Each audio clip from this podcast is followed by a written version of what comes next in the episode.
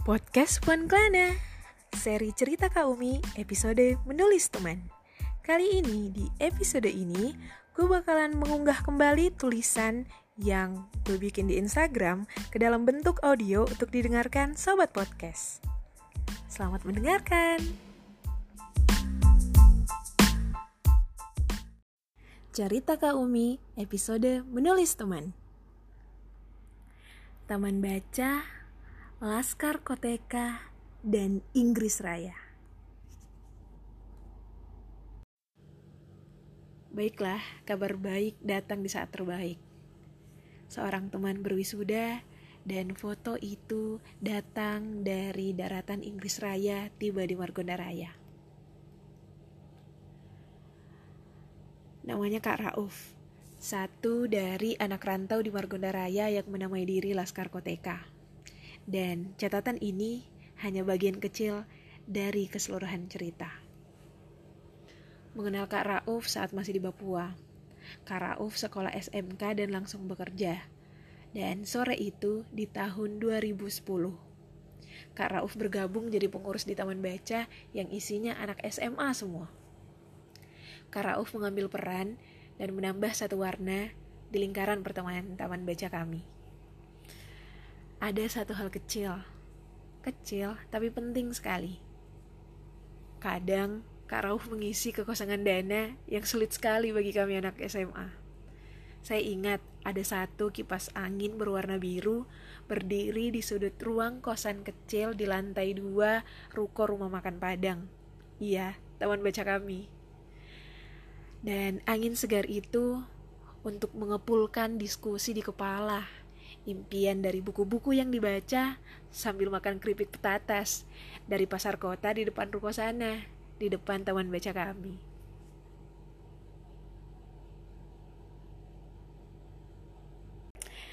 Ada banyak kakak-kakak baik yang mengubah kosan jadi ruang imaji, mengajak bergabung, menghias, mengurus taman baca.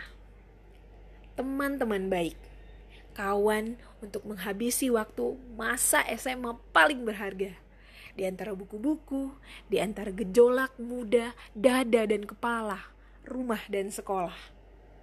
Lalu ada adik-adik yang terus mengisi ruang itu, ditinggal merantau ke mana-mana oleh kakak-kakak kami melanjutkan impian dari hari-hari kita berbual soal keluar Papua, Eropa, dan dunia.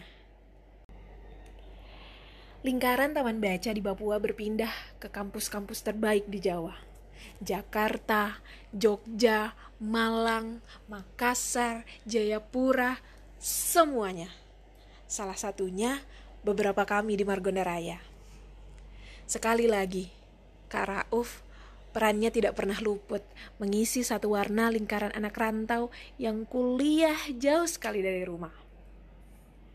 Dan tidak banyak yang tahu apa rasanya berkelahi dengan diri sendiri. Hari-hari paling berat dan menyakitkan pasti dilalui setiap mereka yang berjuang. Dan singkatnya, kami sarjana. Melakukan banyak hal, menjadi anomali kembali. Entah kuliah lagi, kerja di ibu kota, atau pulang ke Papua. Pastinya pilihan kami untuk terus bertumbuh. Sekali waktu, foto-foto kelana bermunculan di sosial media, mengisi terus kapasitasnya, tidak berhenti.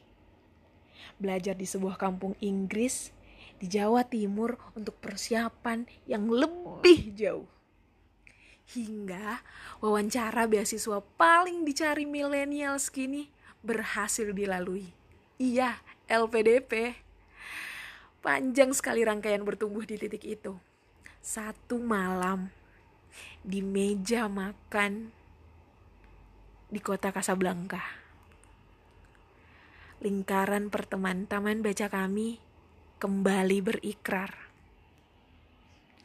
Besok, satu dari kami berangkat ke Eropa.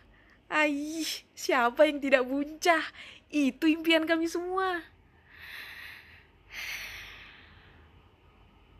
hingga hari-hari dengan rangkaian empat musim negara-negara Eropa sana menghias mimpi-mimpi kami, teman-temannya di ibu kota. Jalan raya yang berbeda, Old Joy, rumput hijau di Aston Webb, gedung-gedung red bricks macam kampus ternama di seluruh Eropa dan Amerika.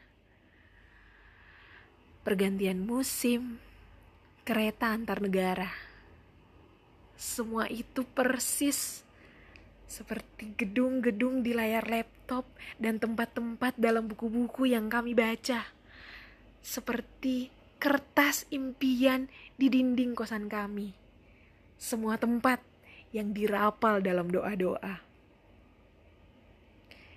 Dari sana, kami melihat langit yang terus berganti warna, menghingat, menghangat sangat spring, biru terang summer, abu-abu autumn, dan gelap putih berpendar semuanya. Ia bagikan kepada kami.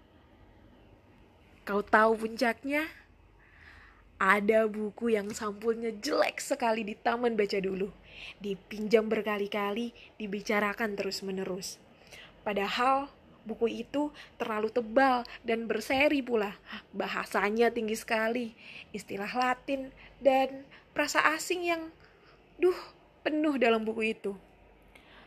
Bahkan ada deskripsi tentang sebuah tempat detail betul hingga rasanya dibawa ke sana merasakan angin dingin di Inggris Raya. Sebuah tempat paling magis bagi Ikal dan Arai. Desa itu, aih boy, Edensor boy. Nyata sekali impian itu. Laskar Pelangi menggerakkan langkah itu, sebuah buku yang mengubah kami. Dan bertumbuh, tetap bertumbuh. Tidak ada kabar tentang betapa sunyinya salju turun di kepala yang dingin saat pulang dari perpustakaan kampus. Tentang hari-hari yang dinikmati sendiri. Tentang wajah menengadah dari jendela ke taman belakang. Sujud-sujud panjang, rapal doa dari telepon ibu. Tentang menjalani impian yang jadi impian teman-temannya juga. Kami tidak tahu, tidak ada yang tahu persis, tapi jelas rantau selalu punya cara membuat jatuh. Perjuangan tidak punya batas waktu. Hingga akhir tahun 2016. Lepas Isya di Indonesia menjelang pagi buta. Tujuh jam berbeda dari Inggris saya, tapi sedetik saja pesan itu sampai. Grup WhatsApp memunculkan satu foto. Penghujung Desember 2018, suhu jatuh di Inggris Raya, di sebuah auditorium kampus khas Eropa, The Great Hall yang megah. Berdinding putih gading, lampu klasik di bawah atap bergaya barok. Persis macam buku bucuku yang kami baca di taman baca Papua dulu. Orang-orang bertoga, duduk berbaris, baju kebesaran itu. Akhirnya sebuah foto bahagia, foto berwisuda. Katanya, perjuangan tidak pernah mengkhianati hasil kata Kak Rauf di tahun 2016 dan terwujud di tahun 2018. Selamat Kak Rauf atas gelar master dan menggenapkan hidup di Eropa.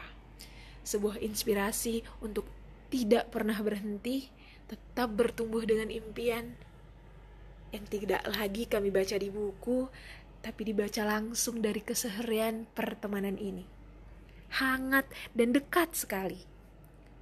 Terima kasih tetap bertumbuh dan jadi bagian lingkaran Laskar Koteka. Sekian.